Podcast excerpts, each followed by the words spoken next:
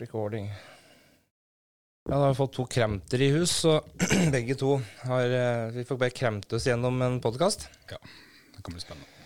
Ja, det, det er jo ikke så plagsomt for oss som det er for dem som hører på, vil jeg tro. Så det viktigste er at vi trives. Det er sant. Nei, jeg, jeg har jo gleda meg til dette lenge. Vi eh, jeg har jo med meg Mikael Winger i studio, som eh, jeg er stolt av å kunne kalle en god venn. Jeg har jo ført meg litt på jeg drev med på TV, i Åndenes makt. Det var egentlig der jeg ble kjent med, med karakteren din. Mm. Eh, Der du rensa hus og kjente litt på energier og, og ting og tang. Ja. Og uh, mora mi satt jo klistra til skjermen i mange år. Eh, og, og har jo syns at du har vært en av de mest ålreite TV-profiler jeg har ført meg på. Vært veldig spennende. ja, det er hyggelig. Ja, så så hun, hun gleder seg jo stort da, over at eh, gutt, guttungen har fått kontakt med, med, med Mikael. det er hun- det kry for. Så ja, vi kommer til å kremte en del. Men, eh, men eh, så opplevde jeg noe sjøl som gjorde at jeg ble egentlig mer interessert enn jeg, enn jeg ja, var før til det spirituelle og åndelige. Mm. Ble knivstukket åtte ganger i 2019 etter 15 år i aktiv rus. Eh, havna fire uker i koma. Svevde mellom liv og død. Våkna på Ullevål sjukehus. Skjønte egentlig ingenting. Eh, kom, bare huske at jeg hadde hatt en hel haug med merkelige drømmer. Og etter hvert som eh, medisina ble trappa ned på, så, så oppfatta jeg vel eh, til dels at eh, noe av, det- noe av de drømma da, var noe annet. Noe mer. Veldig virkelighets... Eh, ja, reelt. Og det slapp ikke tak i meg. Jeg ble helt besatt, rett og slett. Eh, mora og faren min eh, sendte jo meg etter jeg kom ut av sykehuset, Mm. eh, nesten et år etterpå, til nevrolog for å sjekke om jeg var ska- hjerneskada. For eh, jeg, jeg, jeg ville ikke la det gå. For at for meg så var det så viktig, og det, jeg ville ikke slippe taket. Mm. Så da tok jeg kontakt med deg på e-post, og meldte meg på et kurs som du hadde. Og endte opp på Løten til alle ting. Jeg trodde du hørte til i Oslo. Men nei da, han eh, Ja. bodde på Løten. Mange år siden jeg holdt til i Oslo, gitt. Men eh, nei, men det eneste jeg så til det, var hadde vært på TV og sosiale medier, liksom. Så du var jo en veldig Du, du var ikke akkurat den som legger ut mest om privatlivet ditt. Eh, nei. Eh, prøver å ikke gjøre det, men det hender jeg legger ut litt. Og eh, så Derfor så ble jeg veldig glad da når jeg fant ut at jeg kunne bare dra fra Brumunddal til Løten Mm. eh, og, og være med på et kurs. Og ett år før det òg, for jeg hadde jo tre år, eh, eller to år, med rehabiliteringer og, og sånne ting, rusbehandling da. Eh, og så ble jeg sammen med Anita, eh, som, som hun er veldig spirituell, egentlig. Og så fortalte hun, eh, jeg satt og så på en video til deg på nettet, om at eh, se her, her er Mikael sitter og prater på, på ting som jeg lurer på, så jeg lurer på om at det er et tegn om at jeg skal melde meg på et kurs av han. Og idet jeg sa det, så merket jeg med en gang en følelse av at vi kom til å bli venner. Mm. Eh, og vi kom til å bli gode venner. Eh, og, og det var en sånn lignende følelse til det jeg, hadde, til det jeg opplevde i koma. Mm. Og så sa jeg til Anita vet du hva, nå skal jeg si det høyt se, til deg, for stoler jeg på. jeg tør å si det igjen. Men eh, ikke bare skal jeg melde meg på kurs, jeg kommer til å bli god venn med Mikael, og vi kommer til å ha mye med hverandre å gjøre. Ja. Jeg bare husker jeg har sagt det, for at jeg må bare si det for å sjekke meg sjøl om det stemmer. Mm. Og når jeg kom ut på igjen deg, da, så eh, var jo du eh, egentlig ikke i så god form. Du kan jo forklare litt sjøl om, eh, om hva som på en måte Ja, hadde jeg hadde jo hatt eh, korona, jeg, da. Mm. Så jeg var jo Fortsatt sliter jeg med det. Dette var jo i 2021. Jeg Ja. tror det var september jeg fikk det, i 2021. Og var jo slått ut en god tid, og merker jo fortsatt at jeg har eh, lite energi. Mm. Så jeg merker det på bare jeg står og visper egg. Så det tar ikke mange sekundene, så har jeg jo melkesyre i hele armen. Det er så ille, ja. Ja. Oi. Så jeg, noen kan sikkert tro at jeg er lat, men eh, jeg prøver. Jeg prøver å gjøre litt øvelser hjemme og liksom holde ting i gang. Men eh, man, jeg ble fort sliten. Det er et eller annet som ikke er blitt helt bra. Ja, for det, det synes ikke på deg sånn eh, når jeg møter deg nå. Bortsett fra at vi har samme kremtinga, da, for jeg har akkurat vært forkjøla, og den kremtinga følger det enda, hører jeg. Ja, den starta jo etter koronaen.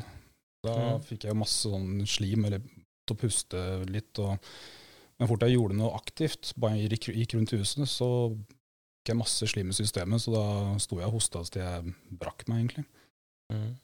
Um, For jeg husker det når, vi, når jeg var på, det var jo første kurset du hadde, tror jeg, etter koronaen. Som jeg meldte. Eh, godt mulig. Jeg husker ikke helt, for jeg hadde jo flere kurs da. Ja, ok. Eh, nei, jeg, bare, ja, jeg husker ikke akkurat når det var, men eh, det var jo rett før snøen kom, var det ikke det? Det var det rett etter?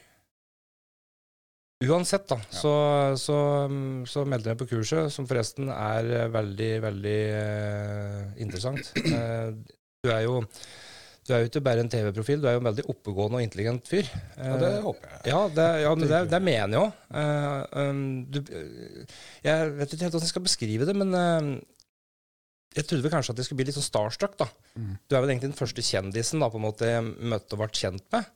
Og så kommer jeg til og så er du egentlig helt ja, Du er akkurat som meg, da. Det, det, var, helt, det var alt bare helt greit, og du prata på ting som det var den største naturlighet, og du, du gjorde det veldig enkelt for meg da, å bli kjent med deg. Jeg, føler meg ikke akkurat som kjendis men Nei, men Det er jo ikke det inntrykket vi har. Altså, det, Vi føler at vi kjenner dekk, liksom. Så det, og det er jo litt naturlig at dekk som, som opplever mye sånn, og mye rart og kanskje rundt det, at dekk òg tar litt avstand til folk som prøver å komme litt innpå. da. jeg har jo blitt mer og mer paranoid, kan man si, til mennesker. Fordi eh, bare jeg går på et kjøpesenter, så kan du få private meldinger av mennesker jeg ikke kjenner. Og så ja, når vi så deg på senteret, eller folk går og tar bilder av meg bak ryggen min, eller kjører bil gjennom Oslo, så plutselig får jeg bilde av bilen min. eh, Var det ikke du som kjørte forbi oss nå? Ta ukjente. Jeg er fra ukjente, og, så jeg føler meg litt sånn nesten litt overvåka. Ja.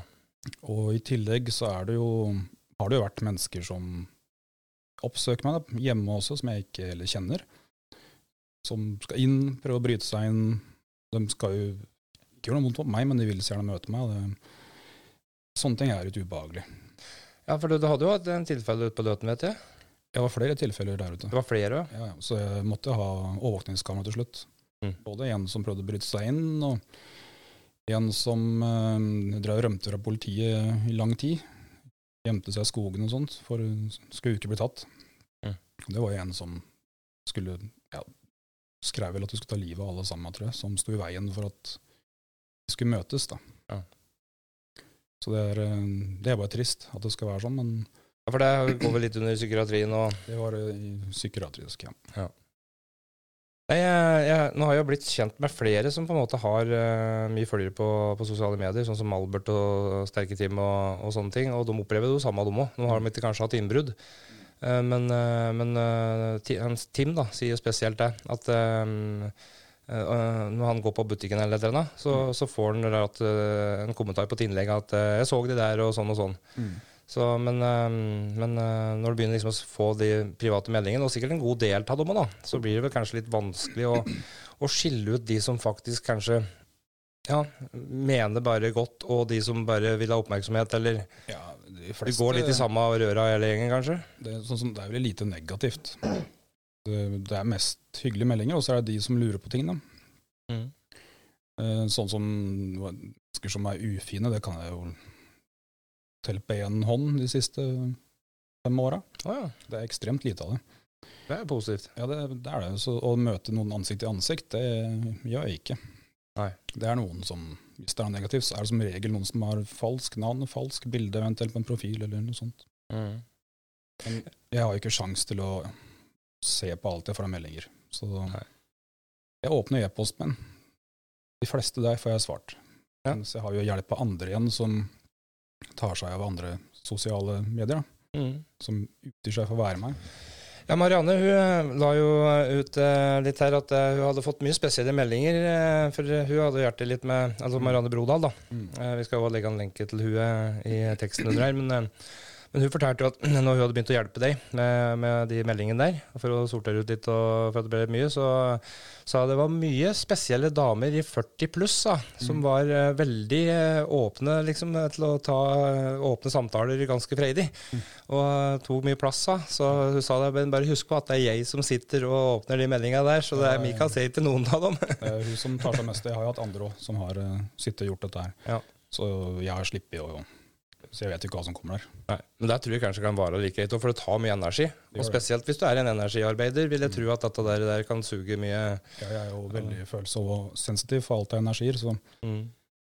jeg sier egentlig alltid at jeg er en sær person. Jeg, det, jeg liker å holde meg for meg sjøl, eller eh, blant de menneskene som jeg kjenner godt, som heller gir meg energi. Ja. Så det, vi prata litt om det i stad før vi starta. Det å gå inn på en restaurant, og så er det mye mennesker og sitte midt inne i klynga der, det da trives ikke jeg. Da blir jeg tømt for krefter. Er du litt sånn som meg der òg, at det, er da lettere nesten å og, Nå har ikke jeg vært med på TV-produksjon, men det er lettere å på, eh, på en måte være seg sjøl uh, på kamera? Nesten. Eller åssen er det i forhold til, i forhold til å skal sitte på en restaurant med det støyet og den uh, rundt deg? Sånn som er på en restaurant med så mye støy, så prøver man jo å være positiv, at man skal være hyggelig fordi man er, sitter der sammen eventuelt. da. Mm. Men jeg blir veldig fort tappa, og da synker jeg egentlig bare ned i stolen. For jeg, jeg, sliter med å skille ut lyd og høre hva sier den personen jeg sitter og snakker med, f.eks. Mm. Og, så har jeg opplevd ting i livet ja, som gjør at uh, jeg liker å ha et overblikk og følge med på menneskene rundt, hvordan de er og reagerer. Mm. Plutselig er det en eller annen gjerning der, da. Ja, det, det, jeg, jeg, forstår noiaen din, for å si det sånn. Jeg er jo noen år med rus på baken, og det som skjedde meg, så har jeg jo fått en PTSD. Mm. Og en dysosial um, personlighetsforstyrrelse som heldigvis er i remisjon da, etter hvert som jeg utvikler meg og kommer meg vekk fra ting. Mm. Men, uh, men, den derre noiaen mm. eh, som setter rett tilbake til tid for tidligere hendelser, mm. den, den er vond. Uh, han blir mindre og mindre da, på en måte for meg, som på en måte ikke har hatt den kanskje så ille før. Ja. Men at vi traff et punkt som gjorde det ille. Mens mm. du har kanskje på en måte jobba deg oppover. at det blir mer og mer, kanskje, da, i forhold til åssen livet utvikler seg. Mm. Men uh, når du prater på um, utfordringer i livet Jeg har jo mm. hørt uh, du har hatt noen samtaler med noen før, og vi har jo hatt mange private, gode samtaler, vi. Så jeg vet jo litt mer. Men, men jeg kunne ønske at du fortalte litt om, om ja, fra barndom, reisa oppover. Åssen uh, uh, ting har utvikla seg med evner og, og, sånne ting? Ja. Um, min barndom, da var jeg jo veldig mye syk, da. Fra jeg var to til jeg var seks år. Så jeg var mesteparten sengeliggende. Um, inn og ut av leger, legekontor hele tida. Jeg var sånn øre-nese, halsbarn, allergisk på det meste, astma. Utvikla meg seint. Alt med tarmsystem og sånt. Det, det, var jo grunnen til at jeg ikke tålte så mye å spise ting. Da. Og så ble jeg bedre. Så når jeg begynte første klasse på skolen, så var jeg minst i klassen. Jeg mindre enn jentene og alle. Endte med å bli en av de største til slutt. da. Uh, så var jeg jo rundt niårsalderen. Da ble jeg jo kidnappa. Så da var jeg borte et døgn, antar jeg. Fordi jeg mista hukommelsen fra ja, mens det som den personen gjorde. Så okay. ble alt svart. Ja. Er det vel et eller annet i meg som har gått i en eller annen respons, da, som jeg skrur av alt. Du, er det noe du ikke vil dele om, eller husker? Eller, eller? Jeg husker, husker ikke hva som har skjedd. Husker ikke, Du bare vet at det har skjedd noe som har gjort at uh, Der, dette er ikke bra å huske? Ja. ja. Uh, jeg, jo, jeg, ble nekta å reise hjem. Mm. Og denne personen satte jo opp et kamera og begynte å kle av seg, og så da blir det mørkt for meg. Uff. Så dette er en sak som pågår ennå. Oi. Som jeg har hørt, så er jo ikke jeg det eneste offeret der. Det er visst ganske mange. Ja, uh, ja, nei, jeg får frysninger på sånne ting. Jeg har jo opplevd det ikke på langt nær så ille, men noe lignende. Så jeg vet jo på en måte hva det kan ja, gjøre med det. Så jeg er blitt sånn at jeg er kanskje litt ekstra overbeskyttende om mine barn. da. Ja. Jeg ønsker jo at de ikke skal oppleve sånne ting som jeg har opplevd. Som, selv om alt det jeg har opplevd gjennom livet mitt, for jeg har opplevd diverse ting etter det gjennom, men nå i dag så har jeg liksom blitt Jeg har godtatt det.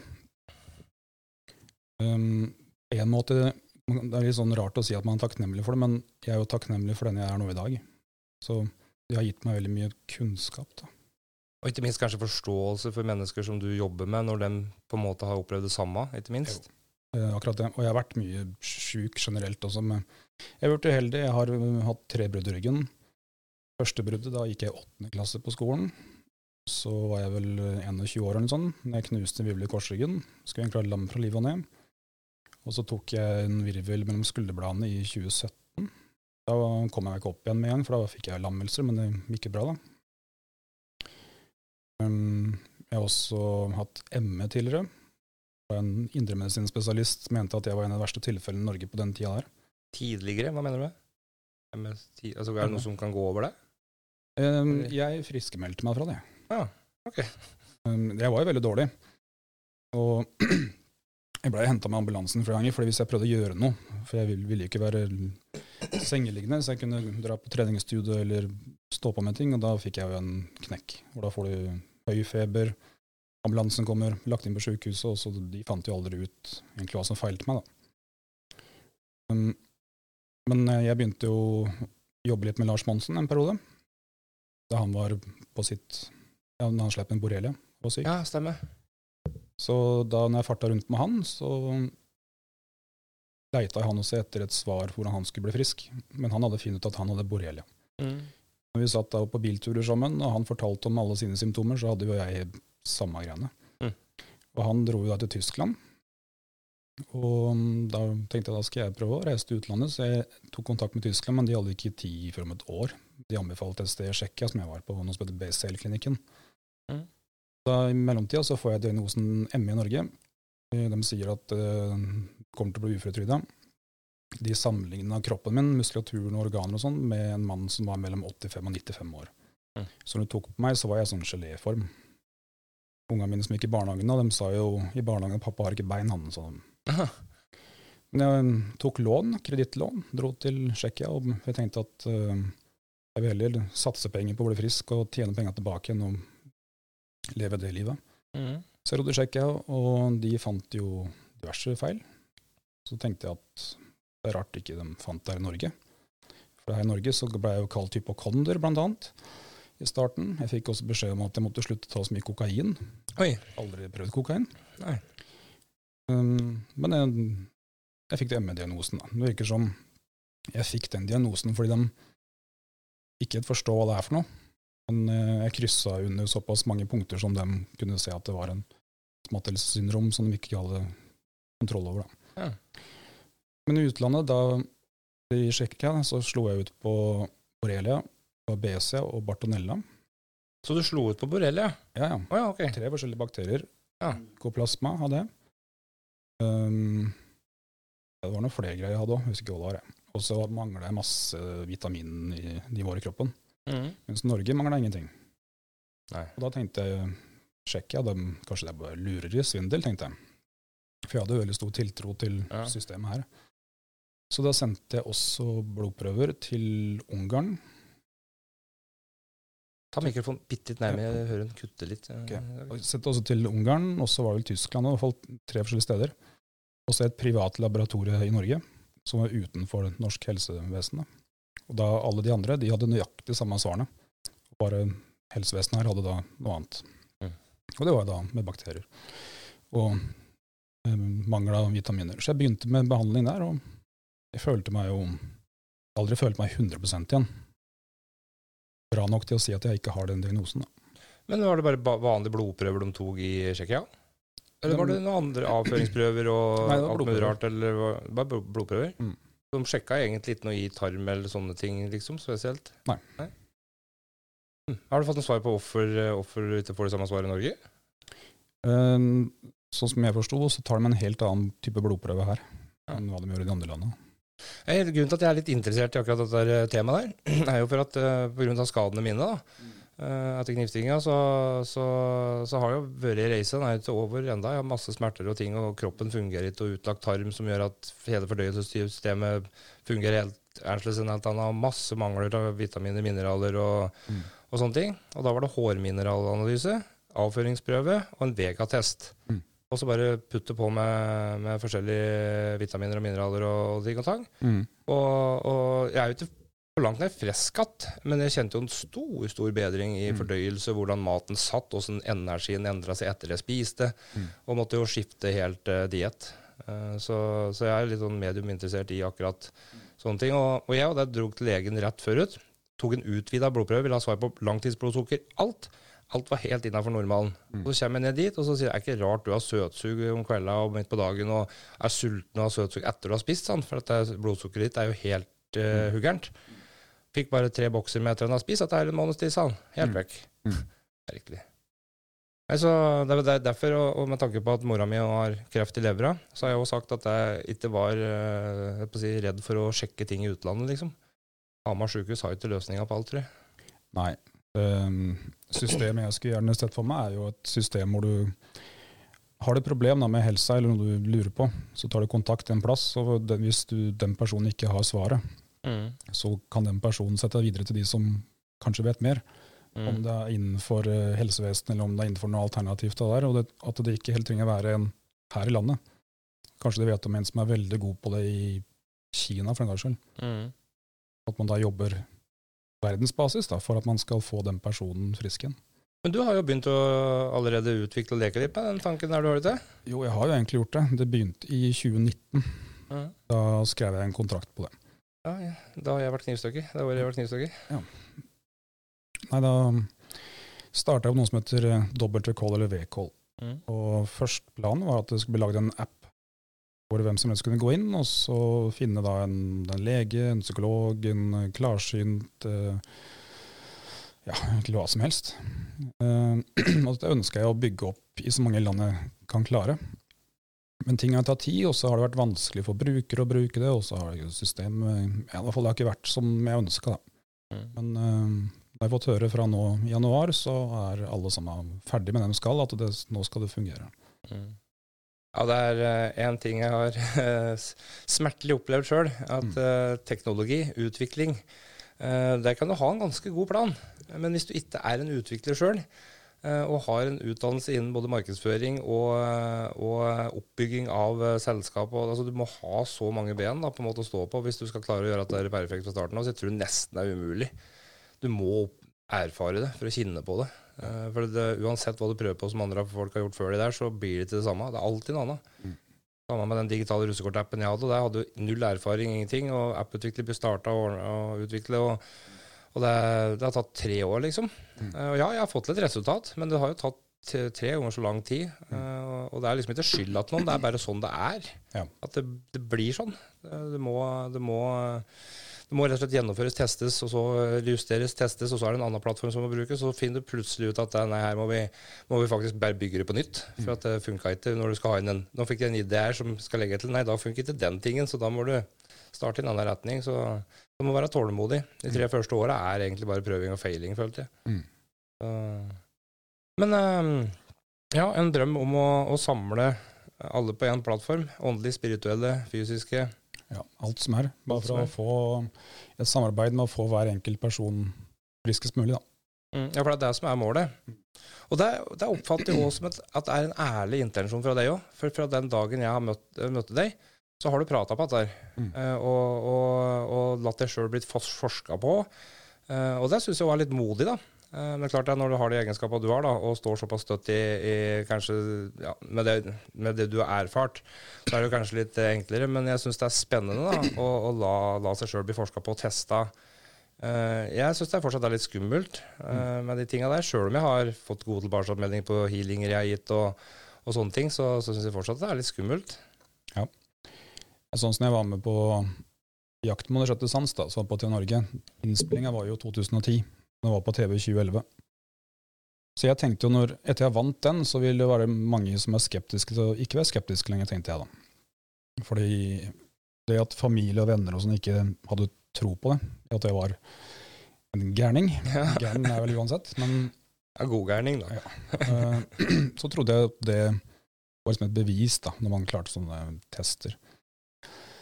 Men da ble det jo sagt at uh, Jakt med sjette sans det er, ikke, det er jo en underholdnings, eh, et underholdningsprogram. Så da er det bare skuespill og tull, da. Ja, ikke sant. Det kom det fram til, mente de. Og rett etter at uh, det var på TV, så ble jeg kontakta av uh, en som ville forske på meg med klarsynet. Han hadde jo forska på da klarsynthet i over 30 år. Og måten han ville gjøre det på, var at vi skulle jobbe med uløste savna-saker. Fordi hvis jeg kunne komme med noe bra svar der, så mente han at det var bra bevis. Mm. Um, så jeg takka ja. Fordi jeg hadde jo ikke noe å skjule. Jeg visste jo hva det var for noe, og tenkte kanskje gjennom han, som hadde så mye erfaring i å forske på det før, at kanskje han hadde mye å lære meg òg. Så vi ble jo kjempegode venner. Um, og vi begynte jo først med at han bare sendte meg link på e-poster med en sak fra avisa. Og jeg skrev tilbake på e-post hva jeg følte før saken ble oppklart. Da. Og da så vi at som regel hadde jeg jo rett i veldig mye av det. Mm. Og da etter hvert begynte jeg også å reise ut og leite sjøl. Som gjorde at vi både fant mennesker og bidro til at forskjellige saker ble løst. Da. Ja, det var mye om dette i den eh, Jeg ser det i eh, dokumentaren, Mm. eller filmen. Eller det, er dokumentar? Eller? Ja, dokumentarfilm. Ja. For den finner du vel på Eller må du Ja, nå er den litt rundt omkring. Jeg har delt den rundt på Facebook-siden min og sånn. Så det, er mulig sånn. Kan få tilgang på både kurs, eh, meditasjoner, eh, bøker og alt på den dobbelt ved Jeg, jeg har en hjemmeside som heter w-verden.no. Ja, Der har jeg jeg vet ikke hvor mange timer med videokurs som jeg har laget. det er mange. Ja, For jeg jeg, begynte på det, eh, og jeg er ikke halvveis selv. jeg, jeg prøver å lære bort egentlig alt min vei, da, hvordan jeg har gjort ting. Og jeg har skrevet flere bøker som jeg har lagt ut der, både som lydbøker, e-bøker, masse meditasjoner, diverse klipp fra savna-saker, og hjemsøkte hus med filmer, og ja, det er litt hvert.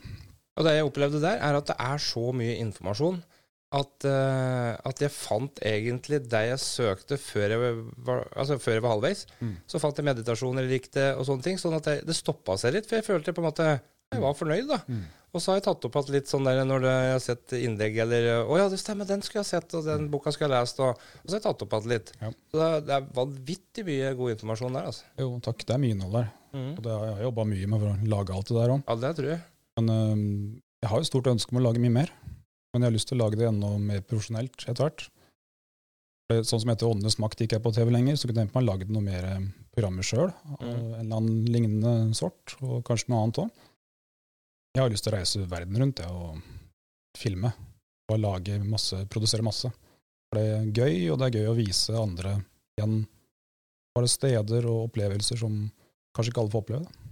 Jeg, jeg, følte nesten at du, jeg var med på å reise på noen pyramider da, på dette kurset ute på Løten når vi var der. Mm. Uh, for uh, jeg meldte meg bare på, jeg. Jeg leste egentlig ikke om hva jeg skulle lære noen ting. Jeg skulle bare møte Mikael, jeg. Uh, og visste at dette kom til å bli bra uansett. Mm. Og så Og så Og så Det var over to dager.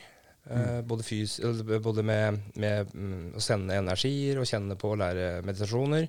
Eh, Men den reisa du tok med, eh, da skjønte jeg plutselig at eh, OK, eh, han, hadde, hadde han sittet og prata med mutter'n og fatter'n når jeg fortalte om eh, de opplevelsene i koma, Mm. så hadde de kanskje skjønt hva jeg mente. Mm.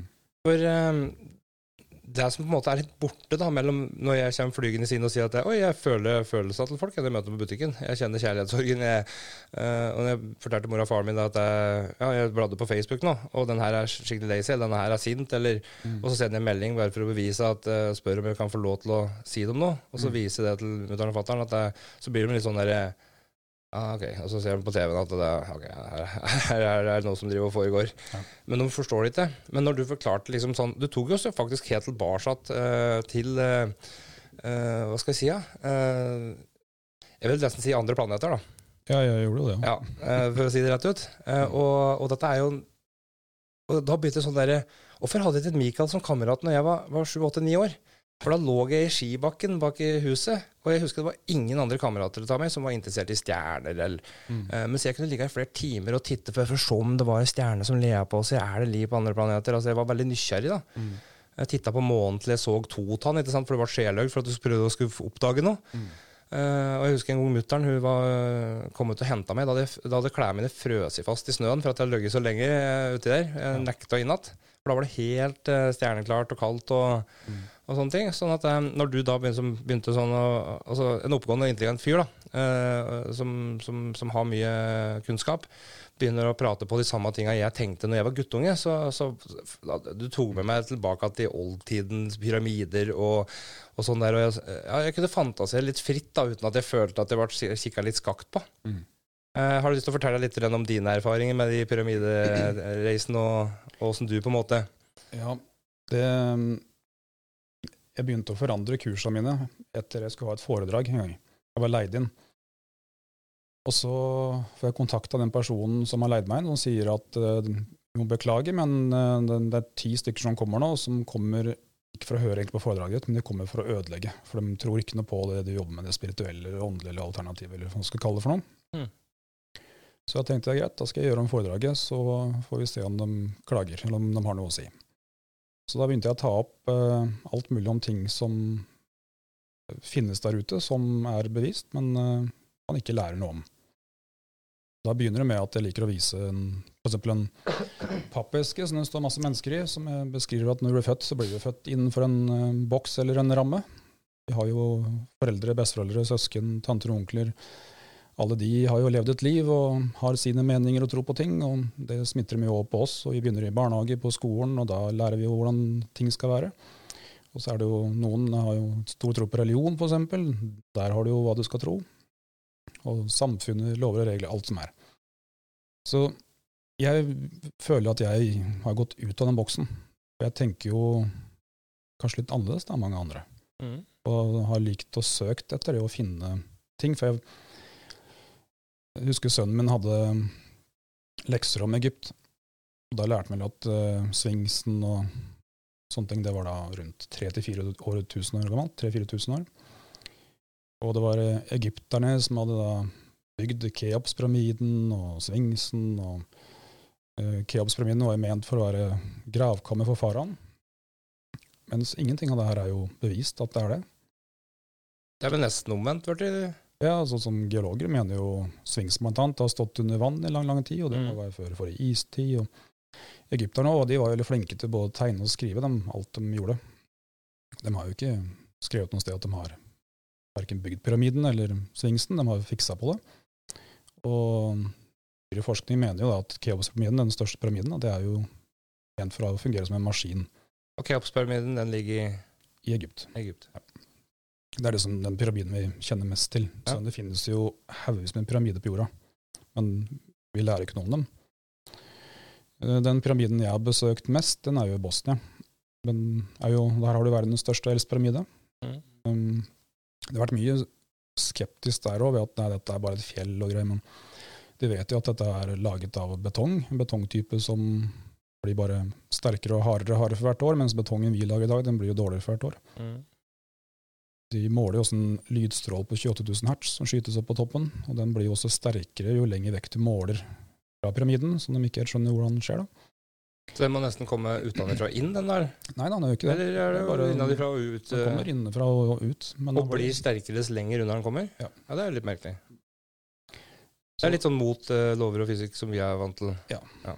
Og det er masse spennende i Bosnia. De finner jo også stadig nye ting. Um, de måler jo en energifrekvens inni tunneler da, som vi kan gå i også der borte. Da kan du gå flere hundre meter inni bakken. Den energien er på 7,83 hertz. 7,83? Ja. Som igjen sies kan helbrede både fysiske og psykiske plager. Ikke alt, men kan gjøre det, sies det.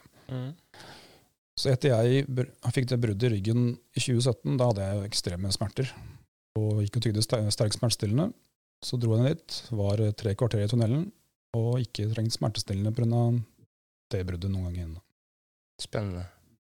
Så jeg har hatt med mange grupper mennesker ned der som uh, håper at det blir bedre. Så er det de som kommer som har veldig vondt i kneet, f.eks. Og etter hvert i tunnelen så er de jo sjokkert fordi de ikke halter lenger, eller uh, så det er flere som har opplevd det samme der? Mm. Ja, det er mange. Det ligger masse klipp av det på YouTube. Ja.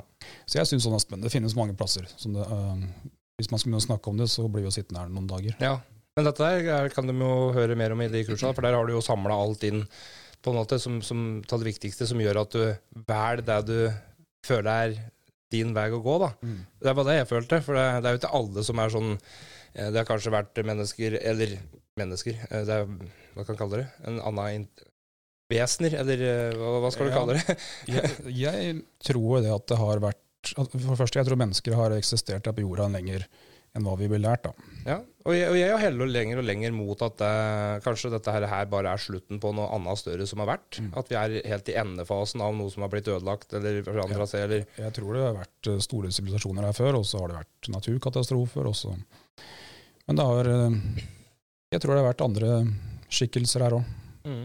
som at det har vært godt ved side om side, tror jeg. her. NASA har jo begynt å dele en del eh, ting nå fra Eller ikke NASA, kanskje, men de som har jobba i NASA. Mm. Eh, det er klart at nå, nå skal ikke hva som er eh, på si, tyngden bak de tinga der som har blitt delt. Det er jo mye. Eh, sikkert det meste som blir delt på, på sosiale medier, er vel fake sikkert og mye tull. Men uh, jeg opplever Joe Rogan da, som en av de mer modige som tør å ta inn mennesker som, som jeg syns virker autentiske. da. Mm. Uh, generaler og, og, majorer og forskere som har jobba der, som føler at de ikke på en måte kan holde på stillheten lenger. For at det, de mener at dette er informasjon som alle burde ha. Ja. Uh, og, og jeg liksom, ja, det kan jo være at spill for galler i deg til deg, men hvorfor, på en måte? Jeg finner ikke noen normal forklaring på hvorfor de skal gjøre det. Uh, Nei. Det, det, er, det blir for mye av det samme med forskjellige plasser i verden. På lik linje som at hvorfor er en pyramide i den ene verdenshalvdelen akkurat lina opp med en pyramide to andre plasser på jordkloden? Mm. På millimeteren nesten, eller meteren, eller hvor uh, dette er. Åssen er de steina som har har blitt bygd i den eh, pyramiden, pyramiden du prata på, blitt frakta Hvor mange kilometer var det? Ja, du tenker på Egypt nå? Ja, det er mulig, jeg husker ikke navnet på den, men du fortalte at det, det var, du fikk ikke et sigarett, eller et barberblad imellom Ja, det er, eh, det er oppe i Peru. Peru, ja. Ja, Machu Picchu, der er det. Opp, langt oppe i fjellet, oppe på en fjelltopp, var det ikke? Jeg så noen bilder av det. Machu Picchu er på toppen av et fjell i Peru. Så med den helsa vi har, eksempel, og kondisjonen Kommer vi til dit? ja, ja, vi, Med nok pauser, så. Men lufta ble såpass tynn, vet du, så mange betaler jo for å få bagasjen sin opp. Bært den opp. Men det er langt opp, da. Og mm, spanjolene kom jo der oppe en gang i tida og fant da eller inkaene som bodde der. Og som skjøt på dem med pil og bue som de hadde spikka seg. Ja. Så de sa det var inkaene som hadde bygd det, var det som ble først sagt. Og de har jo riktignok bygd eh, det som var på toppen, som kalles småstein. Mm. Men selve fundamentet det var så store steiner som er at vi har ikke en maskin i dag som kan løfte på de. Og de er jo eh, satt sammen som puslebiter, skjært til som puslebiter, og de er perfekt lagd, så du får ikke barberblad mellom. Ja, dette har ikke akkurat blitt hogd ut oppi der, eller? De har ikke tatt stein fra fjellet og, og laga en puslebrikke og satt inn? De har jo ikke det heller, for disse svære steinene som ikke vi kan røre på, de er jo ikke fra Peru heller, de er fra Bolivia, har de funnet ut. Det er jo litt mer enn et kvarter unna òg. ja, så åssen har de fått det dit, da? Det er et godt spørsmål. Er, du, må, du må jo oppheve tyngdekraften eh, for å få til det. Eh, eller ha noe veldig med løftekraft som Jeg synes jeg så noen bilder her om dagen, jeg er ikke sikker på om det er riktig, da. Det, så det var fra Egypt.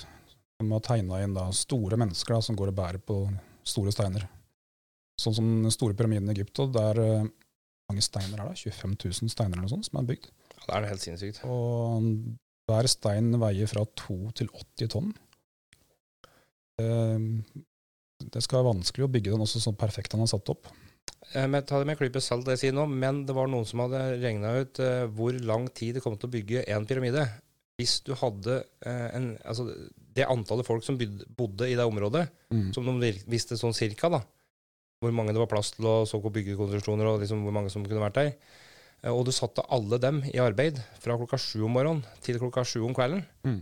Eh, og de antok at uh, de, hvis du med et eller annet slags mirakel sånn, klarte å hogge ut en sånn stein på sånn og sånn tid, da For da, da den regnet ut den, hvis, hvis vi hadde en maskin i dag som skulle lage en sånn en steinblokk, så hadde det tatt så og så lang tid, og de hadde klart å masseprodusere det.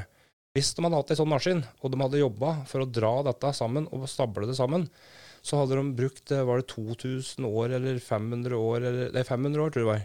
Ja. Et eller annet. For her også er det jo med pyramiden, mye av steinen vi har brukt der, den kommer fra langt, langt, langt, mange, mange kilometer vekk fra pyramidene. Så det måtte i hvert fall flere generasjoner til for å få sette opp én pyramide. Og vi prater jo ikke bare én pyramide her. Vi prater jo mange byer, mange steder, mange verdensdeler og forskjellige plasser. Og, Mm. og, og, og ikke helsike skal fløye rundt og, og måle ut ifra stjernene der da, for å få dette på rekke åra. Mm. Du må vel på en måte ha et lite overblikk fra stjernene da, kanskje, for å få til det? Mm. Ja, det er jo spennende, for dem eh, var det Maya nå det, som uh, tegna da solsystemet vårt med planeter og rekkefølge hvor de er. og noe. Hvor gammelt var det? Husker ikke. Det var 4000 år. Det var gammelt, da. Ja, For dette tenkte jeg på. Åssen i all verden fant de ut alt dette da? Ja, samme var tror jeg Summererne også tror jeg hadde akkurat det samme. og Det er vel en sivilisasjon som er rundt 5500-6000 år gammelt. Og De også beskriver hvordan jorda oppsto. Eh, Big Bang, og den, jeg tror de også har skrevet når det skjedde òg, Ja. mener jeg husker, som kan stemme overens med hva de mener i dag. Da. Så langt som jeg privat har orka, for at eh, igjen da, om du ikke er gæren fra før, så kan du bli det hvis du begynner på denne veien der, for at det, du tar opp all tida di, og Det er spennende. ja, det er så spennende. Da får jeg bare lyst til å reise bare og se Ja. det sjøl. Ja, ikke sant? Og, eh, og, og, men, men eh, så langt som jeg på en måte har både hatt råd og tillatt meg sjøl, som ikke er så veldig langt, så syns jeg det går et interessant program på Discovery eller National Geographic, Geographic eller noe der. Med han som ser ut som en gammel rockestjerne. Han med langt hår og som har litt sånn rolig stemme. Husker ikke hva han heter for noe. Men han er eh, og prater om stjerner og, og universet og åssen ting oppstår.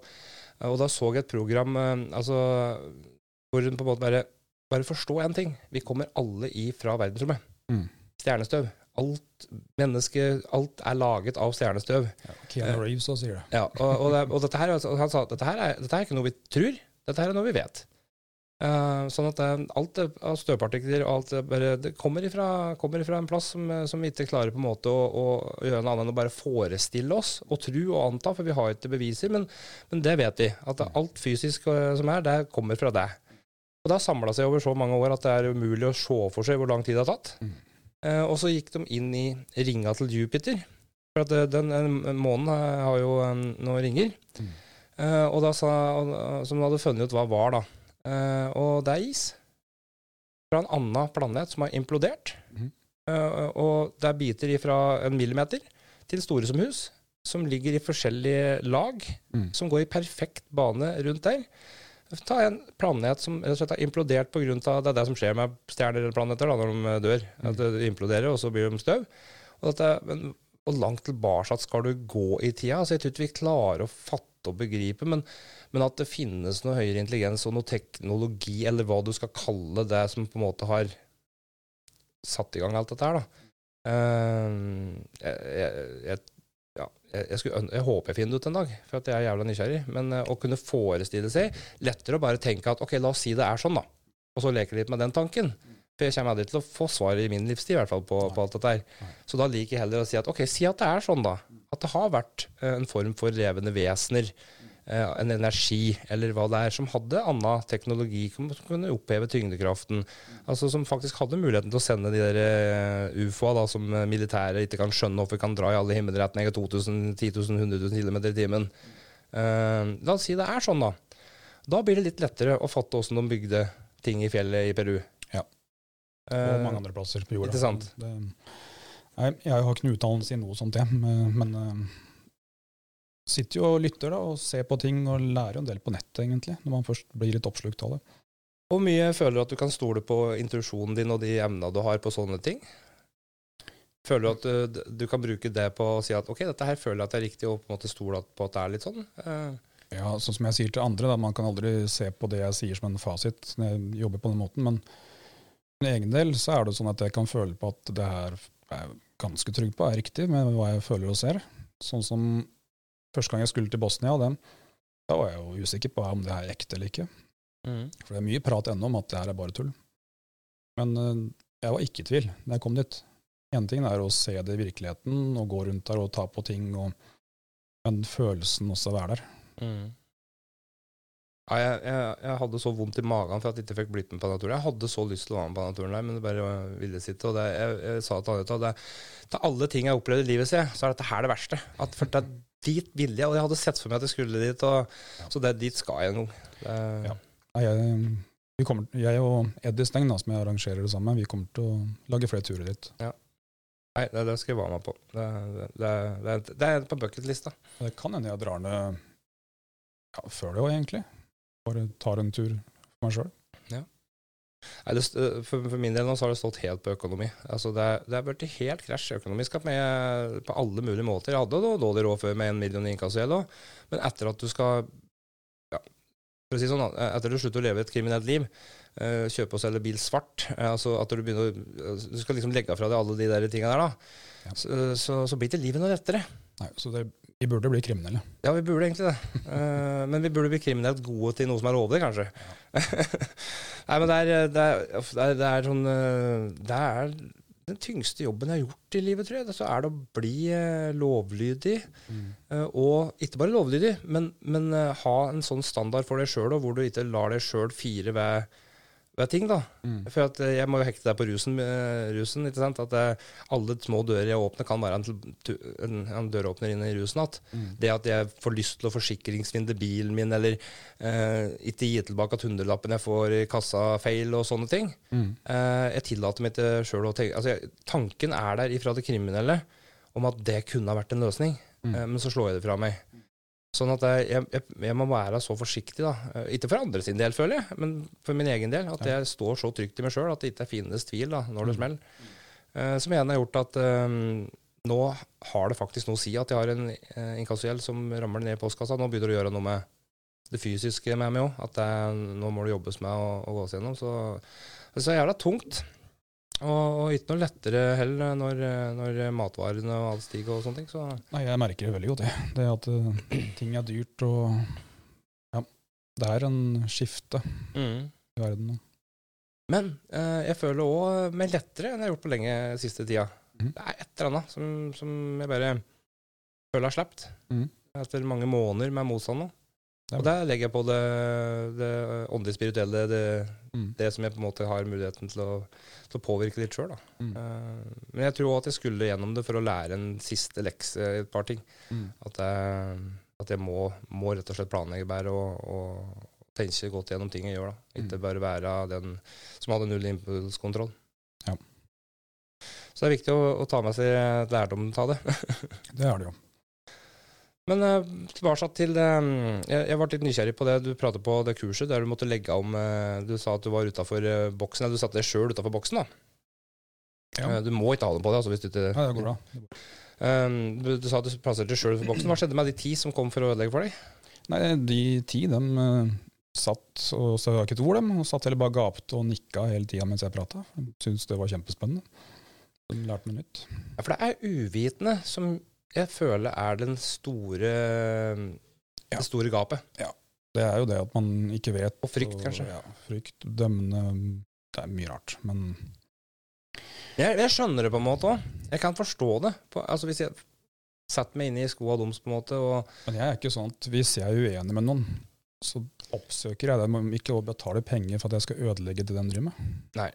Det, det er jeg òg helt enig i, og det var neste tenkte jeg skulle si. For at det, det er lov å ha en mening og, og, og dele den. Mm. Eh, men du trenger ikke nødvendigvis å, å jakte opp personer for å fortelle dem at du er uenig. Nei. For, for min eller din sin rolle så spiller det vel egentlig ikke noen rolle hvem som tror på oss og ikke. Nei. og For å være litt rett fram for min egen del, i hvert fall. det er mange som er uenig med det jeg driver med, det er mange som har forskjellige meninger på alt. Men det jeg har opplevd, de som har vært verst på nett og skrevet uh, negative ting, da, de få jeg har tatt kontakt med, det er jo mennesker som de har jo ikke hatt det bra i hele tatt. Det virker Mm. som de bare har slitt veldig og hatt mye irritasjon, bitterhet, sinne og ja, lar det gå ut over andre. da. Jeg regner med at du kanskje òg har eh, en opplevelse med litt samme som meg, for når du sier det nå, eh, så får jeg en sånn følelse av at å, det er de jeg kan hjelpe. Mm. De som åpner den døra. Og, og det, det er på en måte ma mange tilfeller hvor de tar kontakt på den måten for at de skal kunne få hjelp til den personen som de mest tviler på, kanskje. Eller Ja. ja. det er litt sånn rart. Men når mora og faren din sier en ting til deg, så, så går det inn det ene øret og ut det andre. Mm. Eh, men hvis det er en du har sett på TV som du egentlig hater trynet på for at han flyr rundt og innbiller seg at han er noe, Mm. og så møter hun, og så skjer det noe, og så begynner du å forandre deg er det, altså det er de situasjonene i livet jeg har lært mest av. Ja. Jeg hata jo politi. Altså Jeg var katt og mus med politi. Altså Jeg stoppa aldri for en politikontroll. Jeg kjørte fra dem. Jeg, jeg, jeg, det, var sånn det var artig å kødde med dem. Ikke sant? Jeg la planer flere dager i forveien på hvordan jeg skulle gjøre ting. Eh, og så er det én politimann som, eh, som, er, eh, som var sjefen over hele Østlandet på narkobiten, Ja. som, som hadde en helt annen tilnærming til meg. Han, han bare kom bort til meg og så sa han nå, nå er det gått såpass langt at nå er det alvor. Mm. Nå har du vært med i skuddvekslinger og, og er sikta for medvirkning til drapsforsøk eh, etter å ha vært løsna skudd mellom to biler og sånne ting. Uh, og så sa jeg jeg er helt enig, se, for nå er jeg drittlei. Uh, så nå bare melder Jeg ringte til han, og så sa jeg men nå melder jeg meg, og så får du bare sette ham igjen, for at jeg, nå gidder jeg ikke mer. Mm. Eh, nå or orker jeg ikke mer til det tullet her. Og så får jeg lov til å melde meg. Jeg blir ikke arrestert. Jeg får dratt hjem og dusje. Han sier 'hvor oppholder du deg i natta?' Jeg skal tørre å si det uten at du stormer huset til mor og faren min eller et eller annet med væpnet politi. Og, altså, jeg holder alt i ord, sa han. Hvis jeg lover deg noe, så skal du fort få merke det at jeg, jeg står for det jeg sier. Men uh, på lik linje som at hvis du kødder med meg, så, så, så er det, det, Altså, du får ikke en ny sjanse av meg, sånn. Eh, så, så der får vi bare bli enige om at eh, sånn er det. Så jeg bare stolte fortsatt ikke på han, da. Men eh, gjorde noe som vi avtalte, og han holdt avtala si. Og så Mm. kommer jeg inn og melder meg, og så sier, sier han politimannen at eh, du som eh, flyr så mye kriminelle middag, kunne du ha informert eh, oss litt da, om ting og tang? liksom. Du er jo en oppdatert og oppegående fyr, og vi kunne trengt litt hjelp og sånn. Og da bare slipp meg ut. Dette her gidder jeg ikke. Altså, det, dette her var ikke det vi avtalte. Jeg skal melde meg og inn, og, og jeg er ikke interessert i forklaring. Da sa jeg ganske tydelig. Jeg er ikke innstilt til å ha noe med den biten å gjøre. Og da bare flirer han og så Nei, men det er jobben min, jeg må få lov til å prøve å gjøre jobben min. Så, så flirer han. Og så bare dro han opp noe røyk, og så Nei, da får vi prate på en annen. da. Spurte til et spørsmål sida. Uh, og så satt han seg ned, og så fikk jeg et inntrykk av at han brydde seg. Uh, og så tenkte jeg at det her er luri, det er bare luri. Han prøver å lure meg. Uh, og det trodde jeg lenge. Mm. helt til det oppsto en situasjon hvor jeg virkelig trengte hjelp da, i forhold til noen andre politifolk. Da hadde han ryggen min, uten at han forlangte noe tilbake igjen. og den opplevelsen der, sammen med diverse andre mennesker jeg møtte i Nav, rusbehandling og sånne ting, er de menneska som på en måte har gjort at jeg har klart å ta skritta utad da, ifra en sånn en tilstand med negativitet. Eh, som igjen gjør at jeg òg klarer å kjenne på følelsen til folk som ringer Ja. meg, for jeg vet jeg har følt det samme. da. Mm. Eh, sånn at jeg tror at det er en eller annen slags interessant måte.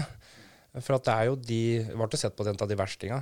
Eh, få som trodde at jeg skulle klare å komme meg ut av dette og, og havne der jeg er nå. Ja, Det er bra, det. Det er det jo. Godt jobba, det. Det er ikke Jo, takk for det. Nei, det er, det er det ikke, og det er det fortsatt heller ikke. Men eh, det å bli kjent med mennesker og sitte her og prate med deg om ting som, som en ikke trenger å late som på, da. Altså det, Ja, jeg, jeg, i begynnelsen så var jeg kanskje litt sånn redd for med podkaster at det, folk sitter bare og, og er det samme som de er i offentligheten, da. Mens mm. men jeg opplever at folk åpner seg veldig åpent og ærlig og deler faktiske følelser og, Mm. og tuller ve- veldig lite om ting de faktisk tror på. Mm. Så Men eh, veien videre på um, For jeg har jo vært en sånn de, altså, hva skal jeg si, en del av eh, WKL på et vis. da, For jeg syns det er veldig artig å, å dele det jeg har erfart med å bygge, bygge digitale plattformer. Mm. Um, så jeg har jo bare hjertet Marianne litt og, og liksom testa ut systemet på privaten. Bare sittet og meldt meg inn og vært en veileder i WKL. Og så plutselig så begynte dekk å utfordre meg litt, da. eh, Om at jeg burde teste meg for de tinga jeg har opplevd, og, og sånne ting med healing og, og, og klarsyn, hvis en kan kalle det det. Eller intuisjon. Intu, intuitiv veiledning. Eh, Så jeg hoppa uti det med begge bena og testa meg litt. Um, um, mest for å teste plattformen, for jeg følte at jeg kunne hjelpe deg eller Marianne og, og liksom, ja, være, liksom bidra litt, da, måte, for at dere kan hjelpe meg litt. og sånne ting. Og så, og så opplever jeg at eh, Og en skal jo være litt forsiktig med å si at en har rett i alt. Men jeg, for jeg føler at jeg, jeg har jo ikke rett i noe. Men jeg opplever at uh, av de 10-20-30 personer jeg har prata med, så, så sier alle at, uh, at ting stemmer. Eh, Jeg får opp eh, føflekker på ryggen til folk med fjernhealing. Jeg ser føflekken, på en måte. Og, og, og det er ikke det at de har en føflekk der da, men i det tilfellet var det at hun hadde operert bort den for to år siden. Mm. En farlig en. Eh, hun ene har aldri sett, altså jeg går aldri inn på sosiale medier og sjekker bilder og sånne ting. Jeg får, får dem til å sende et bilde av ansiktet sitt med øynene. Og så allerede, allerede jeg får bildet, jeg trenger ikke å kjenne på det, allerede jeg får bildet, så er allerede healinga i gang, Mm. merker jeg. Altså Her begynner prosessen. Selv om jeg skal ratt gjøre det dagen etterpå, da, Ja. så har allerede prosessen starta. Og derfor så er det livsfarlig å gå inn på den profilen og se på noen bilder, for da blir jeg påvirka. Mm. Da bommer jeg mest, hvis jeg begynner å se på hva de har skrevet, føler jeg. Ja. Men da dukker det opp tatoveringer. Det dukker opp, altså, hun ene forklarte tatoveringer på benet, tatovering i nakken. Uh, fortel- altså, det er jo helt uh, Jeg klarer ikke å forklare det. Mm. Uh, og, og så har jeg egentlig landa på at hva er det som treng, Trenger jeg egentlig å vite alt? Men ser du da kun eh, helsemessig på et menneske, eller ser du livet rundt dem òg? Ser, ser ikke livet rundt. Jeg føler ikke at jeg er klarsynt. Jeg føler at jeg føler hva de har følt. Mm. Jeg, for å sammenligne med deg, da, og det jeg vet om deg, med at, øhm, og, og Marianne for den saks skyld òg, Mm. det kan jo gå skikkelig djupt. Altså Det kan hente frem altså Jeg så når du satt i den stolen på Jeg ser det greia ute ved vannet og forklarte trær og, og sånne ting. Jeg er ikke helt der. Jeg er ikke sånn at jeg ser jeg, Nå har jeg ikke testa på samme måte, men jeg er ikke helt der nå. Men med at jeg ser på bildet, fokuserer på det, og så setter på den musikken som jeg hører gjennom en to-tre på YouTube, og så den. Det er den som er riktig for den personen der. Mm. Og så setter jeg på den, og så er det en time med å bare skanne gjennom kroppen. Da ser jeg for meg sånn der, som du ser på film, når, når du skanner sånn før du skal inn i en plass. Sant? Sånn Ja. øyeskanning på hele kroppen. Og da bare popper det opp noen bilder og, og litt sånne ting. Mm. Og så får jeg òg opp øh, følelser jeg kan kjenne igjen i når han eh, i Bakkhaugskauen eh, overgrep seg på meg. Som gjør at ok, her har det skjedd noe fysisk og psykisk. Og så kan jeg også få opp Men det er ikke sikkert den er klar over at, at det var. Mm. Sånn at da blir jeg litt sånn usikker på Vet den personen her? Skal jeg fortelle den personen dette her? Det er der usikkerheten min begynner. Ikke at det, for jeg er ganske sikker på at det, det har skjedd. Og så må jeg åpne litt forsiktig med at det, det kan være noe greier i barndommen. Jeg tør nesten ikke å si det, for at du kan jo utløse en traume òg. Mm. Føler jeg da, Hvis du føler at oi, du har blitt seksuelt misbrukt, du, og så bare Hæ, nei, det stemmer da ikke. Mm. Da kan Ja. du sette i gang en prosess. sånn at jeg Man skal ikke være veldig forsiktig med sånn. Ja, så jeg- føler at jeg må på en måte Så jeg får bare opp sånn Den tatoveringa på leggen, den så jeg fasongen på. Mm. Jeg så ikke hva det var, men jeg bare så fasongen. Mm. Så, men jeg har jo en lang vei å gå, da. Mm. Jeg kan jo lære meg mye, sikkert. Det kan du. Sånn som Man blir aldri ferdig utlært, føler jeg da. Men så driver du og snakker om akkurat de tinga der med sånn overgrep. Var det en som prøvde å ringe meg, det er stebroren min. Ja. Um, Aron heter han. ja, stemmer. Han driver jo nabovarsel. Stemmer, stemmer. Han burde jo kommet en tur, han da. Han kommer helt sikkert, Ja. regner jeg med. Han. Ja, ja, vi har jo prata på det, så jeg vet egentlig ikke hvorfor jeg ikke har gjort det. Men det har bare gått litt uh, Altså, jeg og du, da. Vet du hvor mange møter vi avtar, da? Ja, jeg, jeg kan være litt sånn vanskelig å Det er ikke vanskelig. i, jeg, da. Ja, men, ja, men det som skjer, er jo at når du uh, avlyser, så er jo jeg glad, for da passer det dårlig for meg òg. Ja. sånn at det, det, det har jo aldri vært, vært noe liksom, krasj der.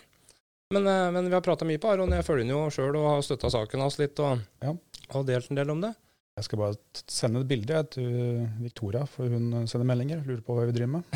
Ja, da må du sende. Få med meg òg, da. Skal vi se, da. Så vi forsidebildet etterpå på podkasten. jeg har ikke fortalt eh, kjæresten hvor du er hen. Jo da, vi vet, men vi vet ikke, visste ikke når vi skulle starte å, Nei, nei. å ta opp. Jeg veit det med hun. Hm? Du veit det her, hun. Nei, hun er eh, hjemme i Ålesund. Ja. Hun eh, kommer på besøk nå to dager, fredag. Ja. Jeg skal holde kurs helga, så hun blir med. I Finnskogen. Ja, skal jeg på Finnskogen. ja. Åh, jeg har så Vet du hva, jeg har ikke lyst til å fryse, og jeg er litt sånn usikker på om jeg er i form til det, men jeg har så lyst til å være med late uti der med deg. Ja, men jeg tror ikke vi skal være så veldig mye ute pga. årssesongen. Okay. Um, men det er litt spennende å se, fordi det vi skal jobbe med der, er jo en savna-sak. da. Mm. Her er det en som har tilstått at han har drept samboeren sin for en del år tilbake, og han har gjemt henne oppe i nærheten der. I skogen oppi der en plass. Så- Føler du at det stemmer? Ja. Det er, Ja, jeg har bare vært der så vidt en tur, rask tur en gang mange år tilbake. da. Så jeg, jeg kunne tenkt meg å titte litt mer etter det. mm. Uh, den uh, Du dama, da, sikkert. Eh, hun var savna og aldri funnet, og han har innrømt det. hva, er- hva er saken, liksom? De her var jo da i kriminelt miljø, narkotikamiljø, Mm. så hun hadde ikke noe familie eller noe sånt. hun. Ok. Så de var sammen, uh, og så har han tatt livet av hun, og så har han uh, gravd henne ned i skogen. Han sa ikke noe annet. Det var ingen som savna hun, for hun hadde jo ikke noen andre mennesker. Nei. Og mange år seinere så er han på grava til moren sin, hva jeg har hørt, og så hører han en stemme som sier at du må ordne opp i det gamle der. Mm.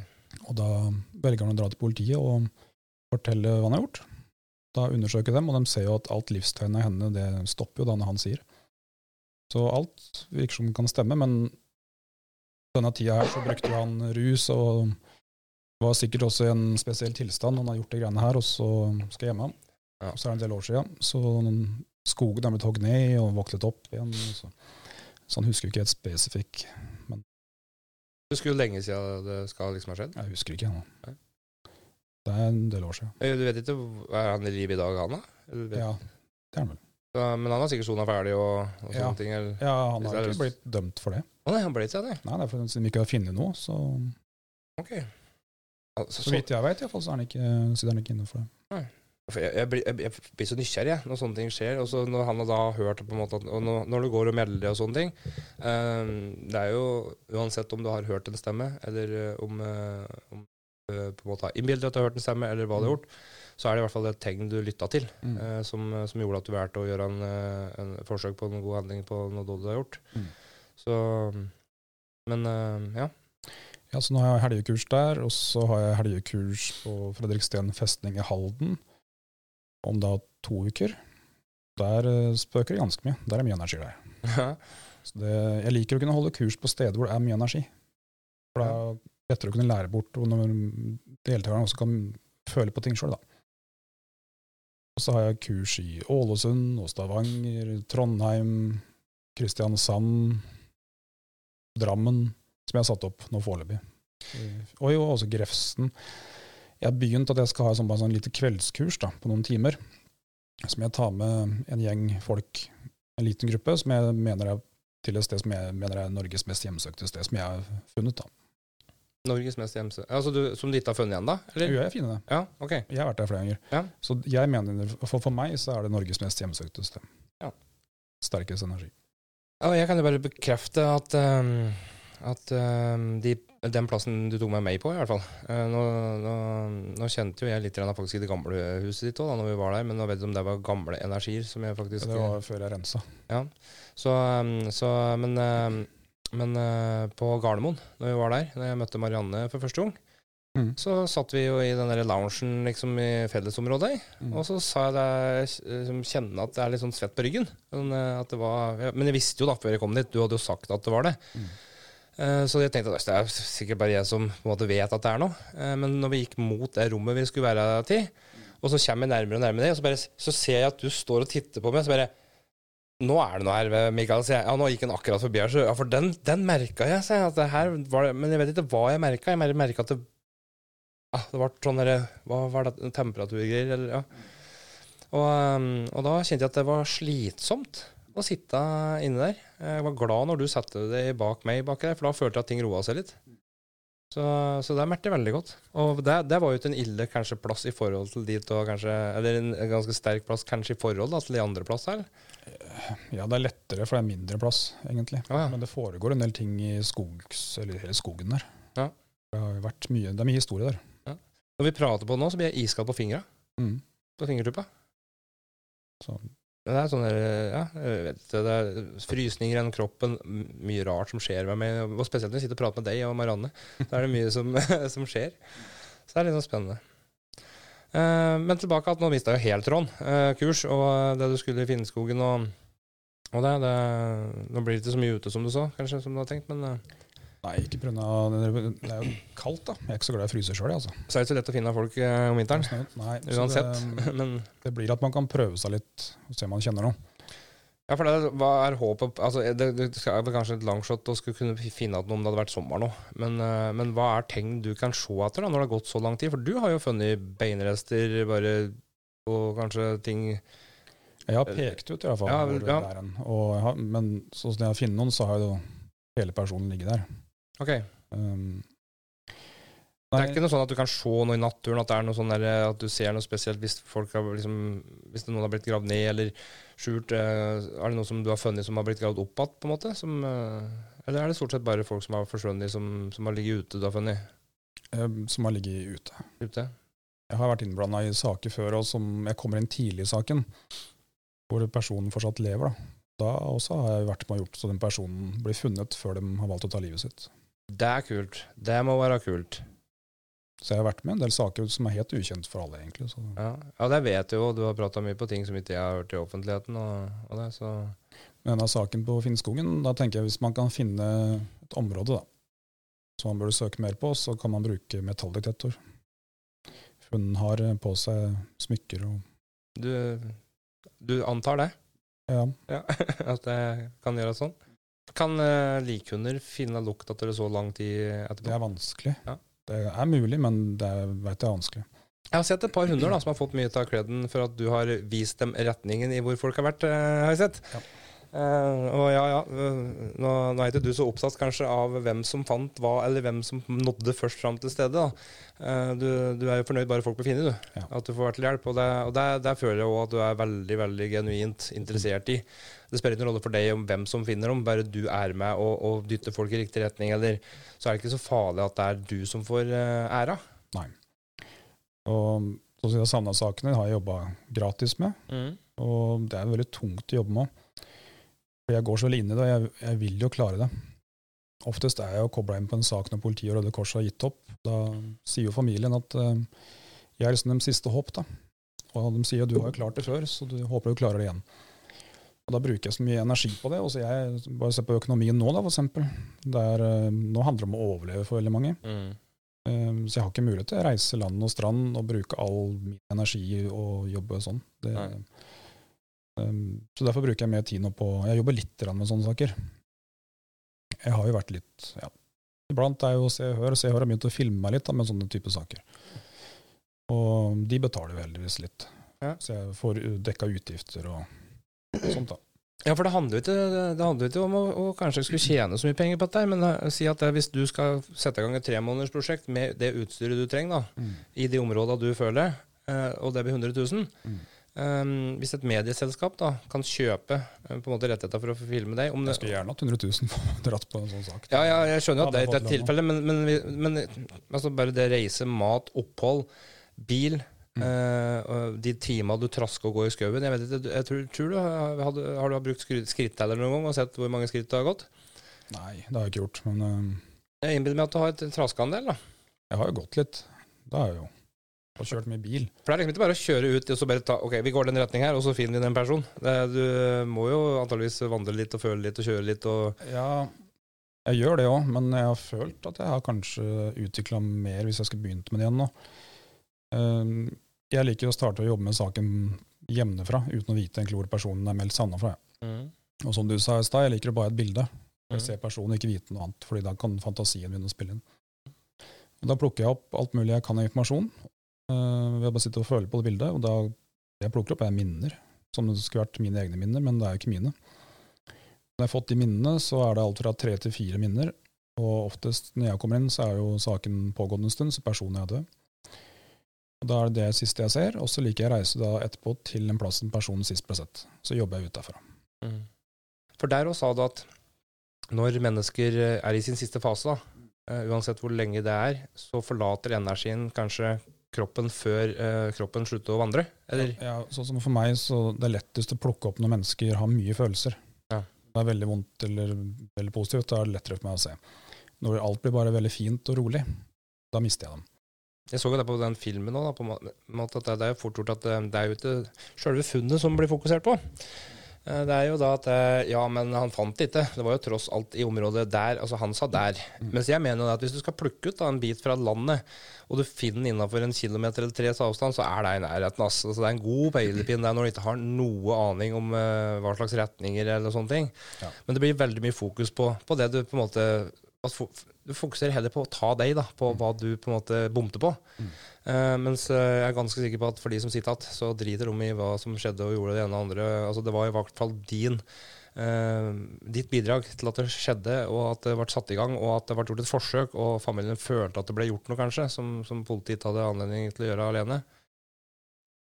Dess mer jeg blir kjent med deg, så dess mer skjønner jeg at uh, du er jo en person som er veldig til å stole på. Altså, du deler ingenting om andre. Jeg har aldri hørt du har delt noen ting om andre. Snakka stygt om noen. eh, Eller på en måte eh, Ja, sånn som andre folk gjør, da. Du prater på folk om at OK, det, dit vil dette gå. eh, Den personen syns jeg sånn og sånn. Men, men jeg har aldri opplevd at du har ba baktala noen. Eller prata åpent om saker som, som det, er, det er mer tilfeldigheter som Hvis jeg spør deg om en ting ja, nei, det, det, den, det, det er vært, og sånn har jeg gjort det. Da kan du bekrefte eller avbekrefte. Og da er liksom sånn der, her er det jo mye som han kunne ha bragga om, som, eh, som han ikke har sagt så mye om, da. Ja, det orker jeg ikke. Nei, det, men, det er, men, men det er litt sånn Ja, det, jeg syns det er eh, Ja, jeg er glad for at jeg ble kjent med deg og den personen du er. Jeg, jeg digger deg. Det- Så jeg er veldig imponert over at eh, ja, den sida vi ikke ser av deg, er faktisk den sida jeg liker best. Etter alt. Selv om jeg syns at andre er kult òg, Eh, De som kjenner meg, de sier det. mm. De eh, er en annen person enn den du ser på TV. Man skrur jo på liksom, er- du er på jobb, jobb da. Mm. Og samme er jo, en, er jo en annen person når jeg står og holder kurs og foredrag og alt. Jeg, jeg gir jo så mye mer av meg sjøl. Mm. Mens ellers så Jeg er alltid en rolig person, men jeg er en mye roligere person bare av meg. Nei, det er eh, Ja, jeg sier det, er få personer som, som imponerer meg, på en måte. Men, eh, men de som på en måte har de der gode hemmeligheter, som, som ikke forteller om alt de gjør og løser Jeg er kanskje stikk motsatt. Jeg forteller om alt. Altså, Jeg har ikke noe filter sånn sett. Men det er da kanskje ikke for å skryte så mye, det er bare mer personligheten min. At jeg bare liker å fortelle ja, historier og, og glede og engasjere og få folk til å flire og sånn. Så, men nei, det skal i hvert fall bli interessant å, å, å bli bedre kjent med det videre òg. Men hva er det som altså, Ja, vi prata jo på kjæreste og broren din. Vi må kanskje ta og prate litt om noe òg. For ja, Hun har ikke, har ikke svart engang på Hæ? bildet vårt, så Burde vi ringe? vi var nok opptatt. Jeg tror hun driver med reading, hun nå. Ja, hun ja, hadde noe reading i dag.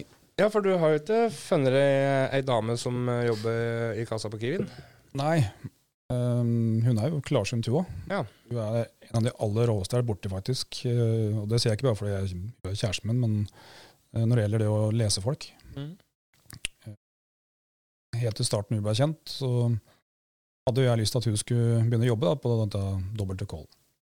Så jeg ville jo teste henne mm. og spurte om, for å se om hun var flink. og da spurte om hun kunne lese meg, og da fikk jeg til slutt en lang e-post med fortalt om fortida mi og barndom og hva jeg sto i liv og framtid og alt. Og dette er sånne private ting som ingen veit. Hun hadde rett på alt. Mm. Og um, I senere tid også har jeg jo spådd ting med hussalg. Jeg solgte dette huset i Løten, det fortalte jeg jo for lenge siden hvordan det kom til å gå. Ja, Nei, hun er flink. Jeg ser alle tilbakemeldingene, jeg hører alle tilbakemeldingene vi får òg. Mm. Ja, nei, det er, og det er de tilbakemeldingen som, som, er verdt noe i alle slags sammenhenger. da. Mm. Om, det, om, det, er en tilbakemelding eh, fra, fra, noen du har på en måte lest, eller råd der, så er det både belønninga di, lønninga di, eh, det er beviset for at du faktisk har, eh, liksom kan dokumentere at det har skjedd noe. Mm. Men så er det òg det beviset du ikke kan bruke òg, da. Mm. For at du skal jo helst ikke, du skal jo ikke sitte og vise hva du på en måte har jobba med, da, for å være litt privat. Mm. Så det er sånn der, eh, du blir litt sånn der, du, du må være litt sånn privat innslutta og, og profesjonell da, for å jobbe med det. Mm. Men uh, tarotkort har jo jeg opplevd òg, uh, og at har stemt veldig mye. Uh, vi prata litt på det i stad. Uh, skal prøve å være litt kort eh, med det, men uh, når jeg var rundt 2022, uh, så satt jeg at en ekskjæreste som hadde kjøpt sin tarotkortstokk for moro skyld, antageligvis. Hun er, jo, er jo litt sånn altså, Det var vel noe med det som hun interesserte henne. Altså, hun var vel litt mer på, kanskje, og trodde litt mer på det enn uh, bare var nysgjerrighet. Mm. Men hun testla på meg, og da når jeg var 22, så, så festa jeg en del. var veldig mot narkotika. Uh, og, og, og, det var ikke noe mot folka, jeg var bare veldig mot narkotika. Og for det, var, ja, det er sånn jeg har vokst opp, har lært at sånn skulle være ting være. da. Uh, men hun la da for moro skyld tarotkort med, og, og fikk da opp at uh, rus kom til å bli en stor del av livet mitt. og det, Jeg vet ikke hva som sa det, men hun sa at det, det virket som det bare er alkohol. Ja, Det må jo være at jeg kommer til å drikke den med, da, for jeg er glad til å feste. narkotika kommer jeg aldri til å prøve, det vet jeg, sier jeg. Nei, men det står noe annet her, liksom. Eller hun tolka det som noe annet, da. Så var det, men det neste her står det òg at, at det, det, det, er i forbindelse med død. Eh, eller en, en, opplevelse om død, eller at det svever mellom liv og død. Og, jeg husker ikke eksakt, mm. men det var i hvert fall det. Men hun kunne heller ikke skjønne at det stemte. For etterpå så var det da rikdom, overflod, eh, og da var det penger. Ikke bare opplevelser, men penger. Altså meget, jeg skulle bli meget rik. Ja. Og så sa jeg ok, så jeg skal bli narkoman som dør, og så skal jeg bli rik. Og i den rekkefølgen. Ja. ja, det der eh, fikk vi til å stemme, noen av oss. Eh, noen år etterpå, etter jeg hadde blitt narkoman, så er det ei anna venninne som legger tarotkort på akkurat samme greia. Sier akkurat det samme. Eh, så jeg har veldig lyst da, til å høre med Victoria om uh, hun har lyst til å, å, ta en runde på meg. Nå, nå vet hun jo det, men det spiller ingen rolle mm. hva hun vet. For mm. det er jo korta som prater uansett. Ja. Så det har vært veldig ja, da, det det. Sånn. spennende. Og, for det er jo på en måte Den får jeg til juksa. Eller, og det kan jo forandre seg òg, mm. sikkert. Jeg vet ikke. Det, det, er vel kanskje ikke bare skrevet i sten, men, men den andre bekreftelsen min da var jo at et halvt år, eller ja, et halvt år, et ja, vei og tidspunkt, før jeg ble knivstukket i mars 2019 2019? Jo, det var det. uh, så var jeg hos en healer på Hamar. Uh, og hun bare la hendene sine på meg, og så bare sa oi, oi, oi, sa Og jeg bare Å ja, det er så ille? Da var jo jeg nykter fra, fra amfetamin, men jeg, men jeg rusa meg en del på medisinene mine, Ritalin. og ja, vet du hva Jeg skal ta det med etterpå, sa Og så gjorde jeg ferdig healinga. Eh, og jeg begynte å grine. Jeg gråt og gråt og gråt. Jeg klarte ikke å slutte å grine, så jeg måtte sitte igjen en halvtime for å grine ferdig før jeg orka å gå ut igjen. Ja.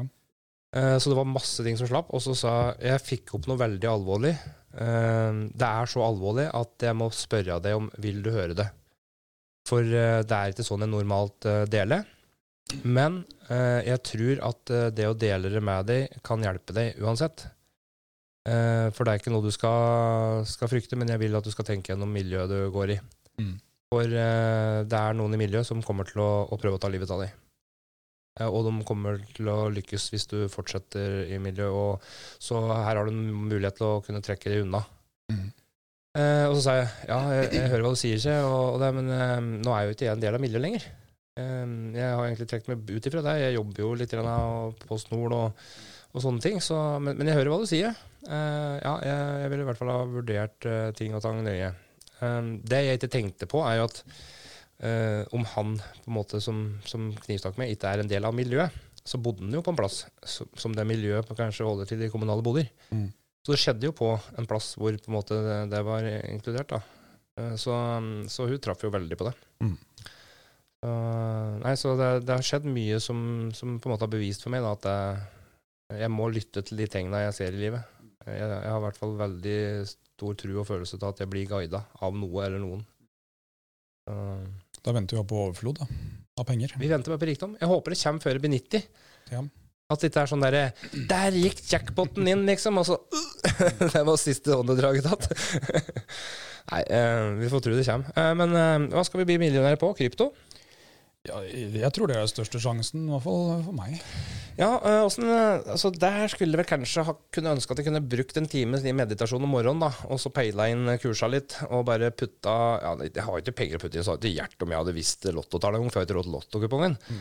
Men, eh, men eh, går det an å bruke evnene sine på å føle oppganger, nedganger? Uh. Det gjør det helt sikkert. Ehm, sånn som å tippe på lotto, da. Velge tall, der er jeg aldri klart. Nei. For meg har ikke tall noe, noe følelse, men jeg har prøvd å legge følelsen, eller kjenne på magefølelsen med krypto. Det har jeg begynt med. Så vi får se åssen det går.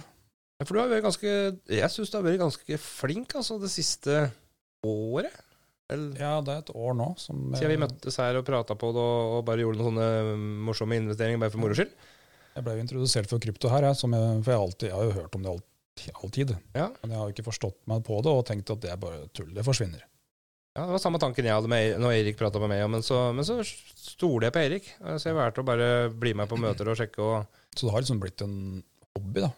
Det med å lære seg om finansnyheter, og CFC ser på det sikkert timevis hver eneste dag jeg har gjort siden jeg var på det møtet her. Det skjønte jeg på den siste praten vi hadde. For du satt jo og prata Det var som å sitte og høre på altså, kryptogurua på jeg, da. Du begynte å prate om dollarkurser og øh, inflasjon. Jeg bare OK, her ramler jeg til, Lasse. Jeg, har, eh, jeg, jeg, jeg følger litt med. Ja. Så de tinga som jeg har sett for meg skal skje tidligere, de skjer jo nå, da. Så selv om det ikke er bra ting som skjer rundt i verden, men allikevel, jeg har sett for meg at det kommer til å skje, og så tror jeg det kommer til å skje mye med økonomien i verden. Og så tror jeg òg at øhm, det går an å tjene penger på negative hendelser. Eh, for eh, ting skjer jo i, med økonomien når ting skjer sånn som i Tyrkia, jordskjelv, krig eh, og sånne ting. Eh, og jeg tror du skal Du skal ikke ha Altså, jeg får ikke gjort noe med eh, om det er krig i Russland og Ukraina. Eh, jeg, jeg, om hva slags mening jeg har om den krigen og grunnen til det, får jeg heller ikke gjort noe med. Jeg kan ha mening om det, men jeg orker ikke å bruke energien min på det. Eh, for at det har ikke noe å si for det store bildet. Men hvis jeg kan tjene penger på markedet, da, eller kunne ha tjent penger, nå har jeg ikke gjort det, men hvis jeg kunne ha gjort det, eh, med å ha lest sånne ting, så hadde jeg ikke hatt dårlig samvittighet for å ha gjort det. Og så heller kunne bidratt og si ok, du er god på å lete etter savna mennesker, da, og så bruker du noe av de penga der på å finansiere en tur ut for å lete etter en person, eh, så er det jo en positiv Mm. ting å gjøre likevel, da. Så, så det men, men du sier at tall, lottotall har ikke følelser. Og jeg skjønner, jeg skjønner hva du mener. Jeg har følelser som jeg kan kanskje føle åssen har det, eller uh, har Sånn, hatt sånn det. som eh, jeg føler med Jeg, jeg prøvde meg litt på aksjer først, da. Før jeg begynte med krypto. Og da, da er det jo selskaper da, som du satser på. Og der er det mange ansatte. Mange Mm. som har planer og tenk, tenker, og de vet ting. Og, så da ligger det jo følelser bak. Så, Ja. så det er det jeg prøver å kjenne på. Det er litt spennende. det kan jo hende jeg tar helt feil, selvfølgelig, men Ja, ja, men det er jo en risiko jeg- uansett hva han gjør, da. Så jeg har kjøpt krypto, og jeg ser, for jeg hører jeg kan høre noen prate om det på nett, da, og den er så bra, kommer til å gjøre det så bra. Mm. Så å, kjøper jeg den. Men det er fordi jeg hører på dem, Mm. og så har jeg den bare noen dager, og tenker jeg føles bare helt feil. Vet du Det er så spesielt at du sier det. Og da har jeg solgt, og så etterpå så har de gått rett i bånn. Det er så spesielt at du sier det. For at det, nå handler det om eh, hundrelapper, da. Mm. Det jeg begynte med, bare for å lære meg Ok, åssen er det du setter inn og tar ut penger? Altså, hva er Binance? Altså. Og jeg, jeg hadde 3000 kroner eller noe sånt, eh, og så bare fordelte jeg det ut i forskjellige ting, bare for å prøve å Ok, sette penger i det, og så så jeg økte 1 krone, 2 kroner, 10 kroner, Mm. og så plutselig så hadde ene dobla seg til 200, og da forte jeg meg å ta toget og bare hoho, og, så, og så bare Å ja, det kosta 60 kroner å overføre dem tilbake igjen, ja. Ja. Så da tjente jeg 20 kroner, liksom, eller ja. Så det, liksom, det er sånn, jeg bare lekte meg, da. Og så, og så var jeg såpass heldig at jeg, jeg faktisk, rett før det gikk opp siste turen, for et år siden, Mm. eh, så, så tjente jeg tjente jeg var 10 000 kroner. Eller, ja, et eller annet. Så da, det var, eh, det var da, da, Men da, da torde jeg ikke mer. Men, men det er litt samme greia som du sier, da. At jeg kan sitte sånn der Oi, den ja, den før sånn. Og så sitter jeg og venter på den i to dager, og så angrer jeg meg. Mm. For da føles det feil. Mm. Og, og, så jeg har gjort det samme som det, egentlig. Jeg har, kan ingenting om krypto ellers. Jeg bare går på feelingen, på en måte. Mm. ja, om det blir riktig etter hvert. Men nå er vi jo i nedgang med mye, da, med økonomi, så det snur om etter hvert. Hvis vi skal synse litt på, på direkten, da, hvis vi skal kjenne litt på følelser rundt kryptomarkedet altså, Som sagt, dette her er jo, vi driver ikke med noe eh, hva skal vi si, rådgivning. Eller altså, hvis vi skal gjette ut ifra de tanker og følelser eh, du har, da, får jeg si, for jeg har jo ikke akkurat kjent så mye på dette kryptomarkedet, men hva tenker du da at det kan være det som skjer nå framover? Er du usikker? Eller Eh. hvis du skulle tippe, er det sånn at det er enten opp eller ned, eller er du usikker? Føler du at det ikke er helt avgjort ennå? Det kommer til å gå opp uh, veldig snart. Mm. Og veldig snart i kryptomarkedet. Hvor lang tid er det? Um, nå er det jo ut fra hva jeg føler, da. Ja. Um, så alt fra mars en gang til midten av sommeren, så tror jeg det vil stige bra. Og så tipper jeg at uh, vi har en ny høyde kanskje andre halvdel i 2024. Ja, den, den nå tenkte jeg, jeg tror vi skal over i 2024, tenkte jeg, før den skikkelige toppen begynner, kanskje. Eh, men 2025 òg, det. Ja, og så kanskje, vet ikke, slutten av 2025, så da, den begynner den å dale ned igjen. Men det kjente å gå mye opp og ned før den tid. Det, det gjør det hele tiden. Ja. Så Nei, det er i hvert fall uh, artig å bli kjent med folk som orker å bruke tida på det, så jeg slipper. For at, uh, dette er sånn som jeg ikke kan sette Jeg er jo ingen ekspert på det. Det er bare, Nei, nei, men- For meg er det bare en hobby, og så får vi se, da. Kanskje man kan tjene penger på hobbyen sin. Jeg tror det er sikrere enn å levere lottoen. Hvis du, hvis du, hvis du leverer lotto, altså hvis du leverer viking, altså tirsdag, onsdag, fredag og lørdag, da, og hundrelapp hver gang, så har du 500 kroner i uka, 2000 i måneden. Jeg tror du har hatt mye mer. Eller jeg vet du har hatt mye mer. For jeg slutta eh, tippen jeg begynte å rydde på økonomien min. eh, og så bare begynte å putte inn 200 kroner, eh, 200 kroner eh, annenhver Det var 14. dag jeg, i krypto. Som en sånn sparegreie. Det er ikke snakk om mange hundrelapper, men det er i hvert fall Jeg tror det er en tryggere vei å gå enn å levere lottoen. Fikk vi svar. Og, um, men, men nå prata vi litt på kjæresten din og hva hun drev med. Vi skal, kan vel legge noen linker til hun òg, så folk kan eh, se hvis de har lyst til å Ja. ha noen readinger, eller hva kaller det. Det kan vi gjøre. Det blir jeg sikkert glad for. Og jeg òg vil gjerne ha en, jeg òg, så Mm. men jeg tar opp til det. Um, men Aron, Mm. som ikke alle kanskje vet at er broren din, Ja, er, ja, vi er stebrødre. Stebrødre. som har nabovarsel. Ja. Kan du fortelle litt om det, for du er jo mer oppdatert på dette enn meg. Jeg har jo ført den, ja, men eh, du, sikkert, du klarer sikkert å presentere den mer riktig enn jeg gjør. Ja, han øh, ønsker jo å bygge et øh, register som La oss si Det er en barnehage da, som skal ansette nye mennesker. Så kan de som jobber der, de kan da gå inn på dette registeret og se om dette er en person som tidligere er dømt for misbruk av barn. For det kan du ikke i dag. Nei. For at det ikke er lov, eller for at det ikke Ja, for finnes? det lovverket er sånn at de ikke ja, Det finnes ikke heller noe register, så han driver og bygger opp det registeret, han. Ja. Så han har jo ja, veldig mye. Så han får jo tilsendt da domspapirer fra forskjellige saker støtt og stadig, og driver en stor Facebook-side med nabovarsel, og han uh, reiser rundt og avslører folk hele tiden, Ja, jeg har sett det. som uh, ja, tror de også skal møte mindreårige. Det er han som dukker opp i stedet. Det er litt sånn som du har sett på YouTube og sånn, og TikTok, der folk eh, avtaler møte og utgir seg for å være 12-13-14 år gamle jenter, og møter eldre karer som, som Mm. har avtalt å ha sex med dem. Uh, nå er det kanskje ikke helt sånn han opererer, eller vet ikke. Ja, han er jo Er det noe av det samme? Nå tror jeg han har fått også samarbeid med politiet med det. Ah, ja. Fordi han, Det han, fordi han møter dem, og så snakker han med dem, og så ringer han politiet, så blir de henta som regel. Da. Ja. Nei, jeg syns det er en bra ting han gjør, sånn som siden jeg har opplevd sånne ting sjøl som Mm. barn, og har jo barn sjøl. Så hvis naboen min er en dømt pedofil, da, Ja. da vil jeg vite det.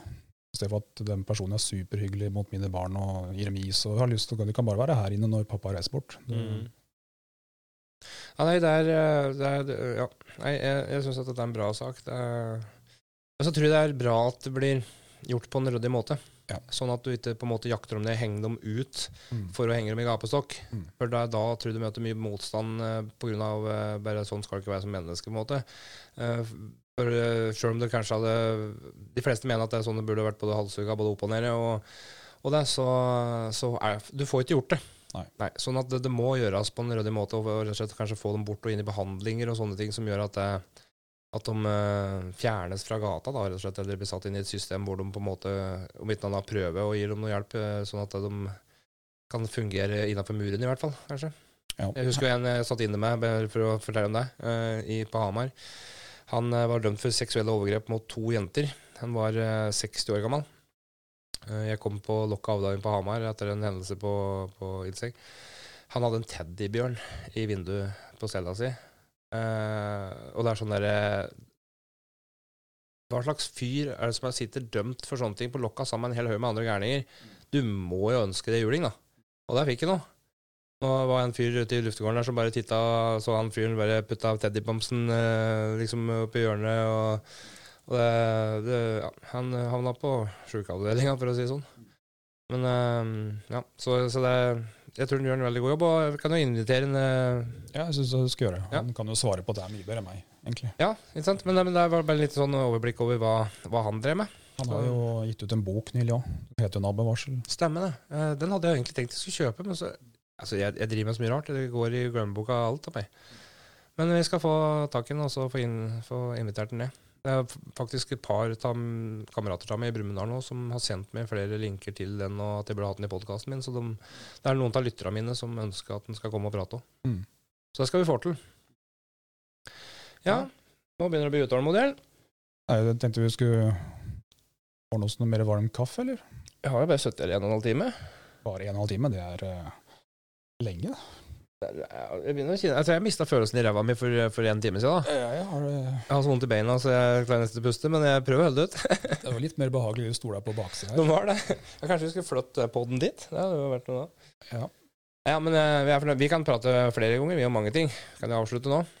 Så sier jeg bare tusen hjertelig takk for at du kom, og Bare hyggelig. Takk for at jeg får lov å være med. skulle bare mangle. Uh, uh, vi- jeg tror vi kan få til mye spennende framover, da. Jeg skal jo tross alt kjøpe et hotell i nærheten her, som du skal være med å finansiere, har jeg tenkt, da. For... Ja, når jeg også blir rik. Ja, når du blir rik. Så, så, så jeg liksom tenkte at jeg, om jeg ikke har penger sjøl, så får jeg i hvert fall bare omgi meg med folk som har tenkt de skal bli rike. Og så får jeg, prøve å få meg på et sånt Jeg- spleiselag. Jeg drømmer bare om egentlig økonomisk frihet. Jeg. Slippe det å, liksom alltid tjene penger for å Mm. betale og regninger og overleve. Fordi når man også driver for seg sjøl, så veit du aldri, aldri trygg på hva du tjener. Om neste måned går bra. Man veit jo ikke sånn. Nei, og det, det går jo veldig rykkende opp, vil jeg tro. Men apropos steder, det vil jeg bare si, da. Oppe på Høstbyrhotellet. Eh, vi har ennå ikke dratt dit. Jeg, vil, jeg skulle egentlig tenkt meg at vi dro dit på sommeren, da. Når det er gående å sette seg litt ut på ja, Vi får noen varsler inn på det som heter. Um, på sommeren når det går an å kikke litt på terrenget der og, og sånne ting. For at det, det er jo mange som må si at der er det mye energi på. Ja, jeg kunne gå ned og leie der til å ha kurs. Ja. Ja, jeg tenkte egentlig at jeg skulle høre med deg eh, For ja, og kunne tenkt meg å ha et kurs i Brumunddal med deg. Mm. Om jeg skulle høre med Gründerparken, kanskje. Om jeg får lov til å ha et lite kurs der. Eller hvis det er noen som har et lokale, eh, stort lokale, kanskje. Ja, det Første gang så er det greit å kunne ha et helgekurs. Mm. Da er det plass til sånne 20-30 personer. Og det var fint hvis det er et spennende lokal med mye energier. Burde jeg egentlig ha fått til oppe på Høstbjørn, syns jeg, da. Det er jo stort nok. Eh, og eh, går an å høre oppå der, om vi får lov til å låne det. Eh, så sjekke litt. eh, Men der er det jo plass til 300, da, så det er litt sånn, eh, vi trenger jo ikke hele hotellet hvis du bare skal ha et kurs. Nei. Det må gå an å få lånt et rom kanskje på der eller noe. Eller leid, ja. ja. Men jeg skal sjekke det ut. Så skal jeg sjekke med Heidi nede i Gründerparken om vi får lov til å, å leke oss litt nedi der. Det blir. Ja. Nei, men da skal du få lov til å få fri. Takk. Takk for at du kom. Jo, takk for at jeg kom. Takk for at jeg fikk komme. Jo, vær så god.